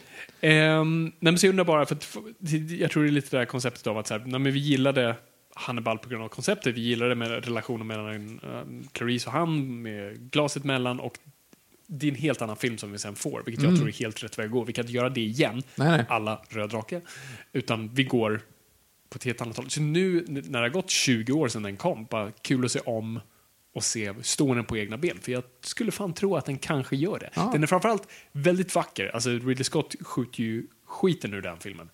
Och eh, ja, alltså jag ser fram emot att se den. Men sen har det ju, sen, den var ju superhit och sen insåg ju studion att vi har ju en bok kvar. Dock ägde de, så det var ju, jag tror det var massa problem med rättigheter och sånt där. För att eh, Dino De Laurentiis som hade rättighet Nej, fan det är han. Jag kommer inte exakt ihåg hur Dino De Laurentiis funkar allt det här. För han ägde inte rättigheterna till Lammet Tysta, men typ Hannibal och sen typ eh, Röd drake. Ja, det här tar vi i Hannibal-avsnittet i alla fall. Exakt. Eh, så de gör då Röd drake och då gör de det lite mer som en prequel. Problemet är väl att nu är Anthony Hopkins nästan 15 år äldre än vad han var och lite rikare, lite plufsigare, lite äldre. Eh, så det funkar inte lika bra. Jag tycker Röd drake är jättebra. Men det är det jag undrar, för jag minns den också som bra, men jag vet också att det är Brett Ratner som gör det. Ja. Så det är här jag undrar, det är här som är min centrala fråga. Okej. Är Röd drake, så här, likväl som är Hannibal dålig, bara Mhm. för att den inte var som den var, som, som Lammet tystnar. Är Röd drake, tror vi att Röd drake är bra för att den är som den Lammet tystnar? Oh, intressant. För att det var precis det vi ville ha. Tillbaka till att vi fick det vi ville, Mm. vilket vi inte ska få. Jag förstår. Vi förtjänar inte. Eh, ingen förtjänar något och tack och gode får vi inte vad vi förtjänar. Ehm, så det är det jag skulle vilja, för Brett Ratner är en jävla hack. Ja, jo, jo. Eh, han är inte en bra regissör, han är, bara, han är, och han är en ännu sämre människa. Så att, så här, kan det verkligen vara bra? Men jag håller med, det var bra skådisar. Ray Fiennes, du har Philip Seymour Hoffman, du har eh, Edward Norton, du har jättebra skådisar. Och du får de här, den känns obehaglig, den hade lite den här känslan, det var samma manusfattare som till, man, eh, till eh, Lammet Tystnade. Så att du hade många av aspekterna där. Så att, vem vet, fan, Brett Ratner kanske bara tog sig i kragen och gjorde det. Jag har bara fortfarande bilden i mitt huvud när Michael Jackson kommer och besöker inspelningen och Brett Ratner pinsamt fanar ut ordentligt och tvingar Ray Fiennes spela, liksom, spela en scen, alltså när de filmar och sen alltså, typ se, göra ett skämt om Michael Jackson i scenen så att Michael Jackson blir liksom smickrad. Och sen är det bara uh, Brett Ratner på Michael Jackson så här, kan du, ringa, kan du ringa mig sen? Kan, kan du ringa mig sen? jag har inte sett det här. Ja, det, det är behind the scenes. Det är så pinsamt. Uh, har ni Blu-ray eller DVD på Röd Drake, kolla. Uh, buyer beware. Skönt att han är borta för övrigt i alla fall. Vem av dem? Brett Ratner. ja, han är ganska, han är ganska körd i, i Han kommer inte tillbaka i alla fall.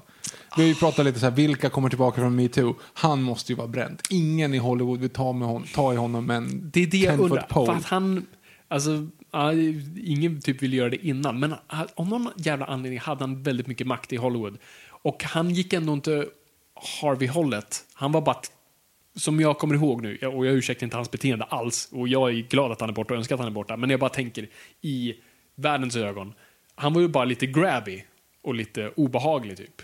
Ja, Och stod typ och ruskade upp framför Olivia Munn någon gång i en trailer. Men eh, ja, det räcker väl ganska är lång tid att, att skicka men ut någon. Det är inte. Harvey Weinstein, Nej, stänga dörren, här är min morgonrock och jag och du kommer inte ut. Ah, nej, förvisso. Ehm, det är mer det jag tänker på. Eh, och jag kan och så det jag menar att, kan, alltså, Weinstein, hur mycket redemption han söker kommer han aldrig få det. Nej, nej, Och han är ju- han är ju den som är mest Jag undrar bara om Ratner kan göra en sån här, ah shit, det var, jag var alkoholist, det var problem, jag ber om ursäkt. Ja, men han är ju ett helvete att jobba med också. Det är ju Jo, det jo, som är absolut. problemet. Han- ingen vill ju jobba med honom. Nej.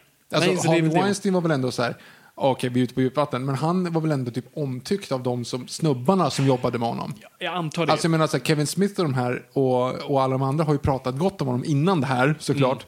Var det verkligen så. Ja, det han trodde på intressant. oss, han var ändå tyckte att det här var Precis, värsta jag grejen. tror ingen har pratat gott om honom, om hans karaktär, men folk har pratat gott om honom för att han, folk har nog sett honom väldigt mycket som en person som så här, ger folk en chans. Ja. Så här, han, är, han, är lite så här, han är weird och lite obehaglig och väldigt sträng, men fan, han, när han ser talang så satsar han. Och jag tror han ger folk Oscars. Alltså, det är därför Ja, ja, folk gillar honom. Jag vet inte fan om folk har faktiskt pratat om hans karaktär. Skitsamma. Uh, Sen är det också en skillnad mellan någon som ger pengar och någon som kostar pengar. Brett Ja. Ratner kostar pengar, Harvey Weinstein ger pengar till projekt. Så att jag menar, det är klart att det är en Ja, skillnad. men det är självklart. Ja, men så det, det, är en inte, intressant i alla fall. Så det ska bli kul att se Röda Kafajen. Jag ser fram emot nu ett Lammets tysta avsnitt. Kommer det någon jävla jubileum snart som vi kan... Eller så gör vi det bara. Eller så gör vi det bara. Eller så gör vi det bara. Mm, Men eh, har du sett Hannibal TV-serien? Nej. För då kan vi ju koppla det. Så då finns det ju... Okej. Eller Hannibal Rising. Exakt. Så, så först bara för att prata om Red Dragon. Så Red Dragon vill vara sin egen film men ändå en prequel. För den har ju slutscenen är ju What's her name? Mm. Eh, och ja, det är väl egentligen typ det. Ja, men den ger ju ingenting mer. Det jag tycker att mer den att så här, klar- karaktärer kommer tillbaka, de ser äldre ut, ska se yngre ut eh, och vi får lite så här varma känslor. Det är typ det. Men det, tack gode gud har den en bok som har sin egna story. Så det är på så vis här, det, det var den som var i min kategori av läsare. Så här, och sen har vi och det är Hannibal Rising. Som jag kommer ihåg, jag var så taggad på när den skulle komma. Bara, fan vad nice, det är precis det jag vill ha. Så Batman Begins fast med Hannibal i stort sett. Eh, tyckte det konceptet lät ascoolt. Eh, för det är det jag också gillat med Hannibal och det är det jag lärt mig, det är därför jag inte ska få det. Att Hannibals förflutna är ett litet mysterie. Alltså det finns, eh, nu kommer jag inte ihåg, jag bara läser Lammet tystnar, men och det finns ju absolut liksom utsagt var han kommer ifrån, och hans liv och sånt där. Men jag har för mig att det ändå inte är, det är lite som Bond, vi vet vissa grejer men inte allt. Eh, och det är det som gör dem lite läskig, alltså lite av en alltså Dracula-figur nästan.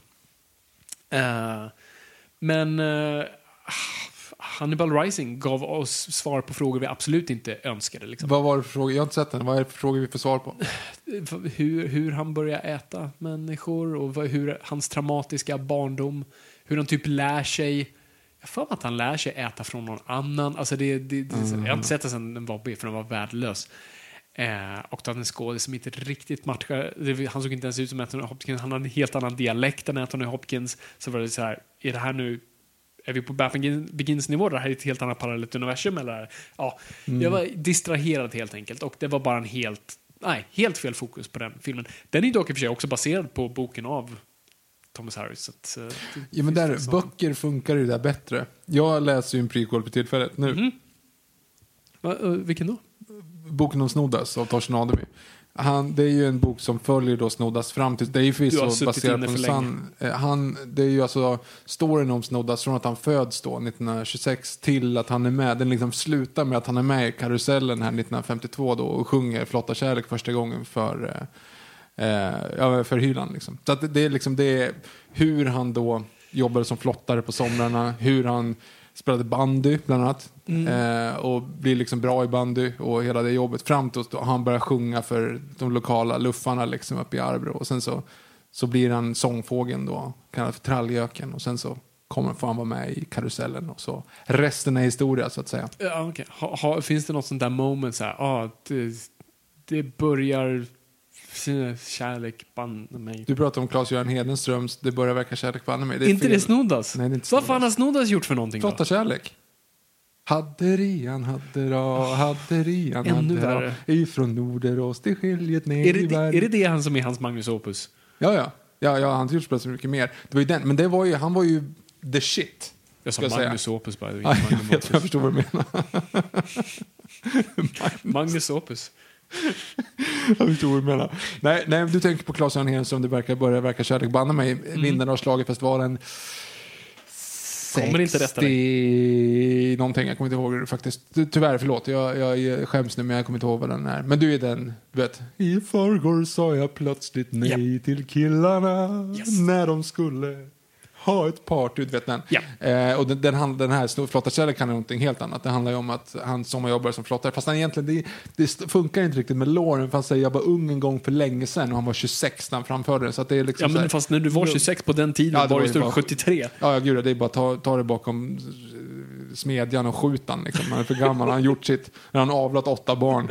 Eh, så att det, det är visserligen sant, men jag tror inte att det var det han syftade på. Jag tror att det har att göra med att han inte var han som skrev texten. För övrigt har han skrivit en, eller det är inte han som skrivit den heller, men det finns en ganska bra låt som heter Vid Ljusnans fagra stränder som han och Arne Rosenkvick gjorde sent 70-tal. Eh, eller se, förlåt, nej, inte sent 70-tal, mitten på 70-talet. Där. Och därför så pratar han då om, han liksom själv refererar, han gör en spin-off på sin egen, han gör en spin-off eller en prequel på sin egen sång. Okej. För i den då så sjunger han eh, jag, jag sjöng en gång om flottare, jag flottade med färg och sen är karusellen, jag var en vinterkväll. Den karusellen snurrar, jag, det finns ej något slut. Den har fått bränsle av evighetens krut. Och det är ju ändå en, en, en fnurr på liksom, att han var med då i karusellen 20 år tidigare.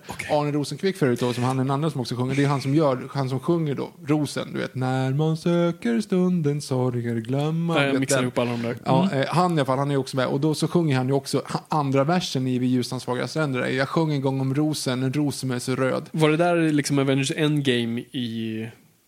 i Ja, gud, jag tänkte liksom så här, Bollnäs, han bodde förvisso i Ljusne då, men typ Bollnäs största sångare med liksom den nya Snoddas, Arne då, som kom flera år senare. Han slog igenom 69 egentligen med de i Rosen och han fick ju också liksom så här folkparksturnéerna. För övrigt, jag såg eh, nu Åsa-Nisse i spionform och han är Åsa-Nisse, nej förlåt, ja, förlåt, ja, du har rätt. Åsa-Nisse Åsa-Nisse i agentform heter den. Eh, och Snoddas är med i den. För att han, hela filmen går ut på att, eh, att eh, handlaren där, vad fan heter han, Ström, Strömberg, Strömholm, han som Dorsin spelar i, eh, i, eh, i remaken med Kjell Bergqvist, han, är, han ska bli James Bond-agent. Så att hela filmen går ut på att de övar honom att bli som James Bond. Är ganska mycket crossdressing, jag vet inte om, eh, Som Like It Hot, när kommer den ut? Oj. Fem... Nej, 40. Va? Nej, fan det är Marilyn Monroe. Så Ja. det är 58 kanske. Ja, skitsamma. Det är ändå tio år senare det här. Och det är jävligt mycket crossdressing här. Det är som att de spinner på den. För övrigt så är det så att 1926 eh, föddes ju Snoddas och Marilyn Monroe. Säger de det? Nästan lika stora ikoner. Okej, tack Viktor. Tack. Tack. Jag För övrigt så dör Snoddas 81 samma år som Bob Marley. Så det är lite samma sak där. Det är liksom... var han lika gammal som Bob Marley? Nej, nej. Men de, de dör samma år. Man föds samma år som, som, som eh, Marilyn Monroe. Och Elizabeth II visserligen. Okej, tack. Jag vet inte, nu har jag helt slarvat bort mig i dina Snoddas. Jag kommer inte heller ihåg vart du var. Jag- Röd drake jag tror jag. Nej, jag- Hannibal jag Rising. Nej, det var en annan. igensnoddat. Han, Hannibal tror jag. Vi förtjänar att ha en podcast. Jag vet. Just det, precis. Så Hannibal Red Dragon gör fel. Jag tror Hannibal-tv-serien gjorde det rätt. Nu såg inte jag hela vägen ut, men det var också Mm. bara ett sätt att så här, karaktären är i stort sett en, alltså Hannibal är veteran, gjorde jag eh, inom Citationstecken. tack. Eh, och, eh, men vi ser honom utanför fängelset. Vi, och det är också så här, ah, vi får se det livet. Det livet är jag faktiskt intresserad av att se. Eh, hans liv som psykolog och hur, vi, hur han typ mördar folk på sidan. Det tycker jag det är, en, det är ju det vi ville se av. Det är ju typ den bästa delen i Hannibal, eller i, förlåt, i Red Dragon här, typ första tio minuterna då Hannibal är ute, innan han, hur han hamnar i finken. Mm. Något, jag inte, något som jag inte är intresserad av, men jag är intresserad av att se hur han levde som psykolog, hur han liksom var den här på toppen av eh, näringskedjan, men också den sociala kedjan. Fattar. Yes. Um, så den tycker jag gör det snyggt. Och den berättar ju i stort sett också Red Dragon-storyn, fast jag vet inte om de någonsin kom till Red Dragon. Mm. Jag såg som sagt inte hela. Uh, men de första två, tre säsongerna var uh, grymma och just var ett perfekt koncept av att ja, men vi har huvudkaraktären från Red Dragon som heter... Uh, jag kommer ihåg vad han heter. Nej. Edward Nortons karaktär. Will, tror jag. Um, och hur han, hur han och uh, Hannibals relation såg ut. Vilket mm. var väldigt, ja, det var väldigt bra ihopsatt och bra dramatiserat. Uh, Mats Mikkelsen som Hannibal. Jävligt bra. Passande också. Men det här är vi, vi vet att det här inte kommer bli Anthony Hopkins utan en helt annan grej. Och jag gillar just när Hannibal ska ju vara liksom europé Uh, vars ursprung kanske inte, det, kanske, ja, det är ju upp, uppenbart uttalat i Hannibal Rising. Men jag gillar när Hannibal, man inte riktigt vet var den där dialekten kommer ifrån riktigt. Danmark. ja, hans dialekt gör det, men, men det är det som ska vara så bra med Hannibal. Han kan typ alla språk och det, det är sofistikerad accent, men inte, kan inte riktigt pinpointa det. Mm. Säkert Transylvanien. Um, som alla andra. Som vadå? Som alla andra. Som alla andra från Transylvanien. Planet of the Apes. Just det. Där har du ju någonting Lyckad. som är både reboot och eh, sequel, eller prequel. Men det är väl uttalat att det ska vara en prequel? Alltså det, det, det där är Caesar som Dr. Sayers, Dr. Sayers också liksom tycker om. Ja, det, det är det sagt som i alla fall. Mm. Eh, det är väl lite frågor kring det skulle jag väl säga ja, i sista filmen. Men, uh. men sure det, det är ju det i alla fall utgångspunkten var. Så där har du ju egentligen två röster som kommer in. Så du har ju den första filmen eh, som görs av, åh nu har jag glömt bort vad den regissören heter, jag ber om ursäkt. Och sen de andra två är gjort av... Matthew Vaughn. Nej. Matt Reeves. Matt Reeves, tack. Eh, så de, de, är nästan sin, sin egna liksom de gör sin helt andra grej och berättar en helt annan liksom, story. Jag föredrar faktiskt den, den första filmen av, av de tre. De andra kanske är de, bättre gjorda det... och sådär, men jag, jag föredrar den första. Ja, för det är, så här, det är så weird att den filmen funkade. Mm. För att säga, vi ska göra en prequel till Apornas planet. Fan vad coolt. Aporna tar över världen. Det kommer vara världen så här, nej nej, vi ska göra typ ett karaktärsdrama med en apa och James Franco. Förlåt? och det, du inleder på den här inzoomade ögat på en apa som säger så här, oh, ni kommer inte, you, you won't pull this off. Och sen så gör de det ändå. Mm. Nej, precis, för effekterna var inte hundra i den filmen. Nej. Men eh, det de verkligen satte var bara emotionerna. Mm -hmm. Så, så liksom, du, det är det som är så coolt med den. Alltså just hur så länge karaktäriseringen är väl och känslorna framförs, då, då släpper du sen att animationerna inte är hundra. Mm. Det satte de definitivt i de andra två senare, men jag tyckte just karaktäriseringen var bättre i, i den första. Visst, det är coolt i de andra där de har liksom använt sig av teckenspråk, så det är också en cool grej att använda sig av i, en film, av att den är helt tyst en stor del av den. Mm. Men jag, vet inte, jag, jag föredrar för, Men det skulle jag nog säga är den mest lyckade trilogin av prequel-filmer. Ja, det måste man väl ändå säga. Alltså det finns ju ingen annan egentligen som skulle kunna ens närheten av att aspirera på det. Nej. Det är Star Wars, men det är ju inte det. Alltså den är ju inte lyckad i någon form av pengar, men inte kritik. Eh, mm. Eh, Hobbit hade förvånansvärt höga betyg på IMDB. Alltså The Slays Smog, som jag håller med om är i så fall den bästa då, om man måste hårdra det, mm. har en 7,8. Vilket är ändå rätt högt. Mm. Ja. Eller Smaugs ödemark som sagt. Som. Ja, jag minns ju den också som den bästa, men, men det, är den det? stämmer inte, för Nej, du har ju hela den jävla Lake Town-grejen med, med Exakt. Stephen Fry Jag tror man bara är så liksom uh, förhäxad av hela Smaug.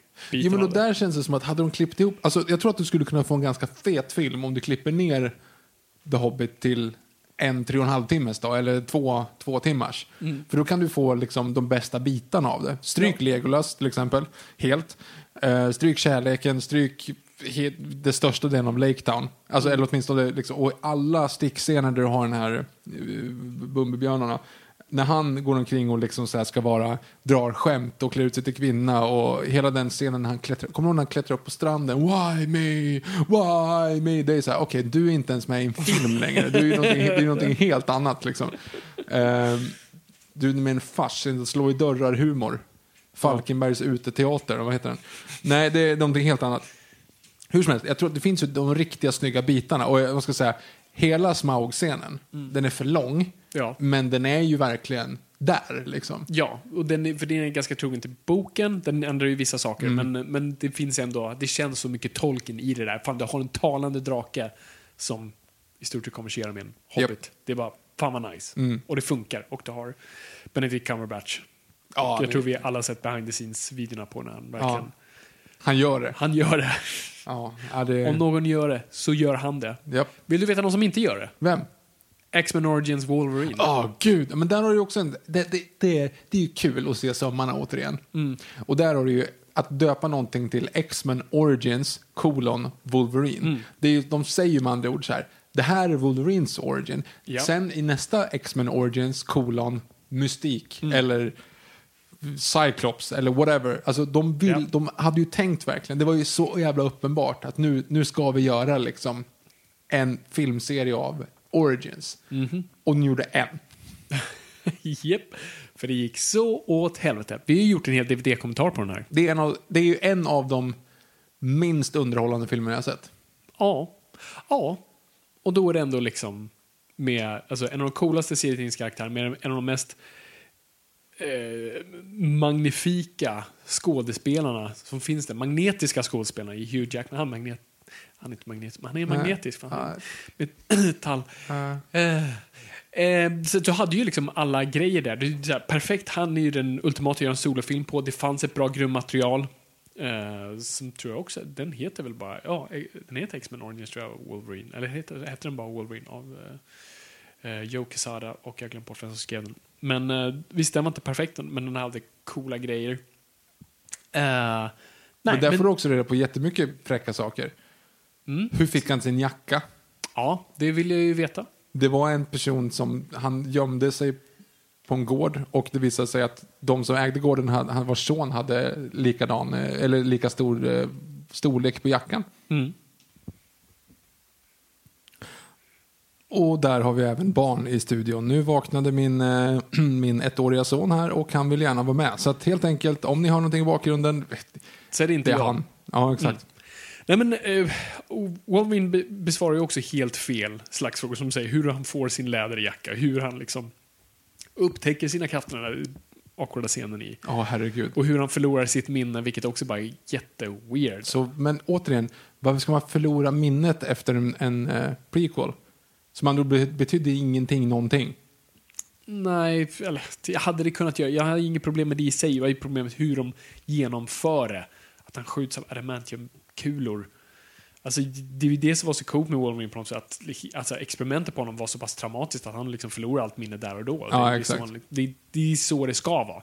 Men det, så kan du ju inte Du kan ju inte ha en film där han förlorar minnet i typ mitten. nej, nej. Du hade ju kunnat ha absolut en film där han, alltså, i alla fall första akten, förlorar minnet. Ja. Och måste ta reda på vem han är. Där har du din story. Men nej, han ska ju joina någon jävla gang som gör saker. Deadpool-grejen där, alltså, herregud. Black Eyed Peas-snubben.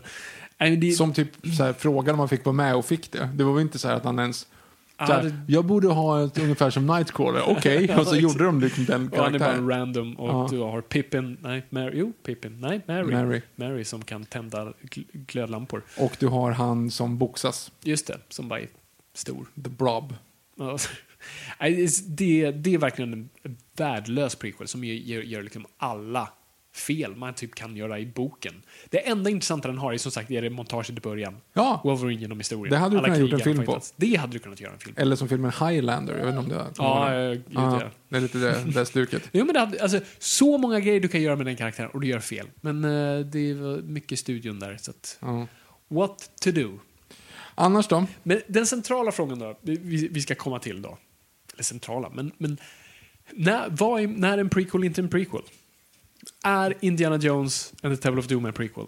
Alltså egentligen så är det ju det. För Men att vad- den utspelar sig innan. Precis, så vad är en prequel? Är prequel bara automatiskt en film som utspelar sig innan? Eller Men vad är det annars då? Är det en sequel? Nå, jag skulle säga att en prequel är... Det är som en egen kategori av film som liksom försöker att berätta en, as- en till aspekt av en story. Antingen fylla i en lucka eller tillföra någonting mer. Temple of Doom gör ju inte det. Det är ju bara ett till Indiana Jones-äventyr som råkar utspela sig typ ett år innan. Det som är intressant är varför utspelar den sig ett år innan? Är Det det, är för att det- bli av med Marion bara? Säkert. Det måste det ju vara. Och nazisterna var så här, fan, de finns kvar. Fast han hade ju kunnat dra till Indien ändå. Ja, men exakt. Hypotetiskt hade han kunnat vara i Indien trots att nazisterna fanns där någonstans. Ja, det, det, det är konstigt. Och det har ju, alltså, de mest underliga grejerna är ju när den refererar till saker som hände i första filmen som är om ett år. När Pistolen. Svärd, ja, Ja. svärdmännen kommer och jaha, det här är Ja, eller så är det en grej att han alltid gör så. Så kan det ju vara. Ja. Men det, jag tycker det tar bort lite från, Ja, för det, det det gör i första filmen är att säga att jag är trött. Ja, Jag orkar inte nu. exakt. och andra, och, men när du har det andra så är det så här, ah, det är hans grej. Ja, det är hans grej att skjuta folk. Ja, det, det, det tar det bort det lite. Så jag, för, av någon anledning säger jag att det inte är en prequel. Liksom, eller jag skulle säga mer som, men, eller den är inte det. Men, men Gudfadern del 2, har du sett Gudfadern del Jag har 2? sett Gudfadern del 2 fram till de sista 20 minuterna ungefär. Okej. Ehm, där har du ju en sequel och prequel typ i ett. Ja, där har du men, ju där liksom... har, men, då, okej, men då är frågan, vad är skillnad mellan om sequel och prequel är två stycken olika saker, i, det borde vara det som gjort ett helt avsnitt om det, Mm. Ja. så är det att det ska utveckla det utvecklar karaktärerna. En sequel utvecklar också karaktärerna, Mm. bara att det ska ut, om det utspelar sig innan så är det en prequel. Ja, För det är exakt samma sak egentligen, de Ja. fyller, de fyller, samma funktion. i stort sett. Och Gudfadern 2, om säger så här då, den förlänger ju historien. Den berättar nästa steg i historien, trots att den berättar vad som hände innan för att kanske fylla på med de karaktärerna. Ja, fast det den gör, alltså, det som var så bra med den filmen var att det var också ett, ett eh, koncept som Coppola redan hade innan. Han ville göra en film, så här, jag vill berätta en story om en son och en pappa och deras story ska berättas parallellt. Så det var typ en filmidé han hade och sen han skulle göra Gudfadern så sa ah, men här kan jag faktiskt applicera det.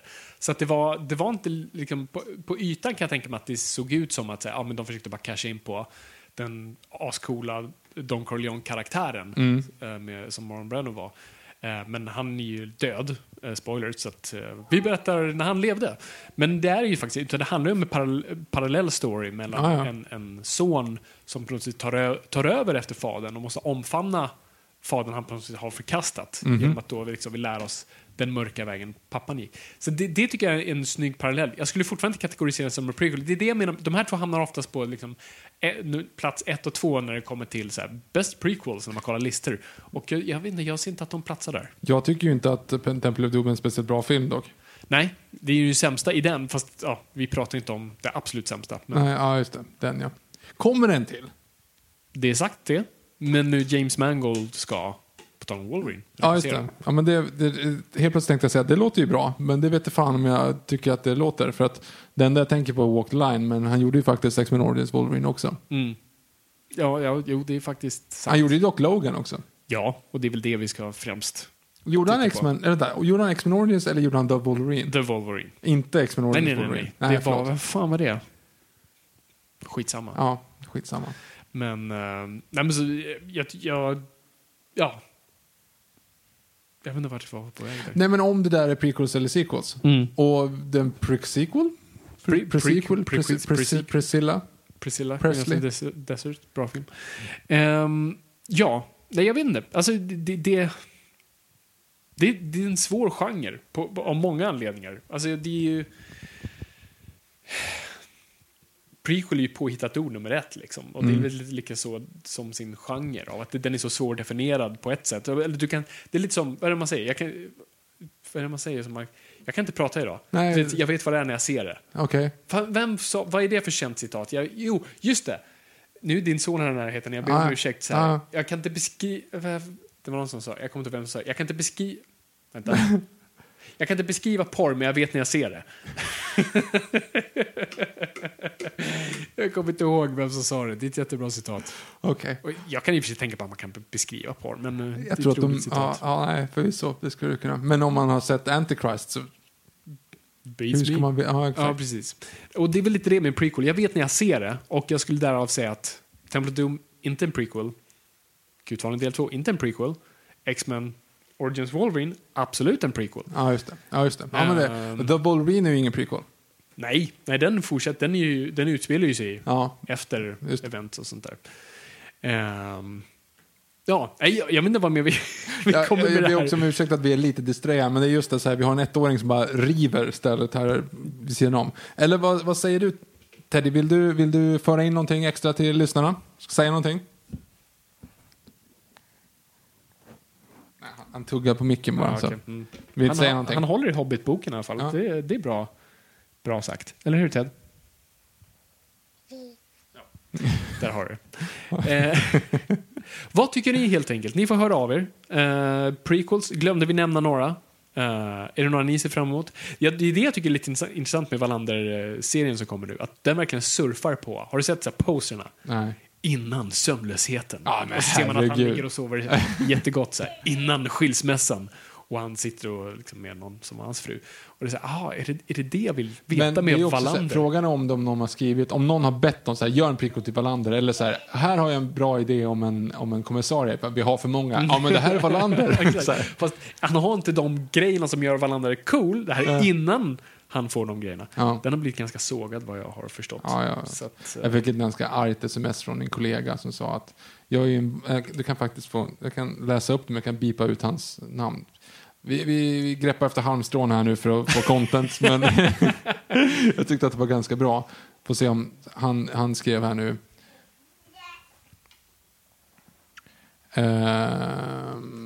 Puppiduppiduppiduppiduppidupp. Här. Jag som du vet är en vanlig kille med vanligt jobb och inte synes vanlig flickvän. Hur i satfläsket ska jag hantera att Vendela tycker att Young Wallander är helt okej? det tycker jag är ganska målande exempel. Väldigt. Jag har inte sett den så jag, jag har inga jag har ingen åsikt eh, på det. Men jag tror det är så här. Jag har inte läst någon Wallander, jag har knappt sett en film. Jag såg Mastermind med dig Mm. På bio. På bio. Eh, och sen har jag sett någon, tror jag, bitar av någon Kenneth Branagh som jag inte tyckte var nice. Men i alla fall Kenneth Branagh är nice. Mm. Ja. Karaktären har jag inte riktigt förstått mer att så här, han ska tydligen vara en eh, förstörd, uppspolad poliskommissarie. Alltså han är, han är Alla, Beck. ja, precis, Han är en av alla andra. Ja. Eh, så jag vet inte vad gör liksom så här, oh, jag vill se vad som, hur han skilde Nej, sig. men de folk skiter ju i det. Ja, så, jag- så jag förstår bara inte liksom, vad är, är det Wallander så det, det, älskad? vi, eller åter, bara vi är återigen där, vi handlar inte om karaktärerna. Nej. Det handlar om mordet. Alltså det är alltid det. Det, är- är det, Vi hade kunnat vara vem som helst. Vi vill bara ha en ingång i, Ja. liksom. Ja, jag tror att vi har en otålighetsbana. Vill du vara med Ted? Okej, vi, vi, vi provar en gång till. Ted, vad säger hunden? Vad säger hunden? Ja. Eh, han ska bara till lyssnares försvar här, eller till min sons försvar, så har han bara umgås med morsans lilla pomeranian. Så han tror att alla hundar säger mm. eh, Pip, pip. Vi var på Skansen och tittade på vargarna. Eh, och han pekar på mig och säger mm. eh, Ted, här då, här då. Vad säger katten? Ja, mjau, nästan. Det är likt. Duktig kille. Åh gud, vi borde, de kommer retroaktivt ta bort De kommer retroaktivt ta bort podcastpriset från oss nu. Daytona kommer banka, slå in dörren. Var är den? Where is it? Ja, det är bra. Ja, nej, men om vi inte ska veta vad vi ska prata om här så jag och pojkarna tänkte gå och... I tårar. Yes. Fabian, Eh, avs- ja, nej, men jag hoppas att ni uppskattat lite härligt bara klassiskt Norrpodd filmsnack här. Eh, I klassisk anda. Eh, vi återkommer. Fan, vi borde snacka Hannibal. Hojta om ni vill att vi snackar Hannibal. Eh, det vore nice. Så det kanske vi gör. Men det kommer, eller sig, det, det kommer typ ingenting contentmässigt ut nu eftersom världen är på paus. Mm. Men vi kommer fortsätta sända, vi kommer ha intressanta avsnitt. Mer än det här. Ja, förhoppningsvis. Om det här var ett första avsnitt, aj då. Ber så hemskt mycket om ursäkt. Ja. Men okej, vi bommar igen där. Japp. Tack så jättemycket för att ni har lyssnat. Det är kul att vara lyssnad, men kom ihåg åt folk, ingenting är för nördigt.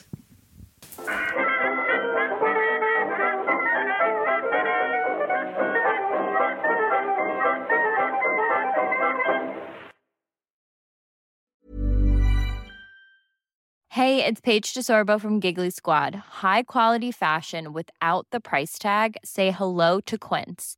I'm snagging high-end essentials like cozy cashmere sweaters, sleek leather jackets, fine jewelry, and so much more. With Quince being 50 to 80% less than similar brands.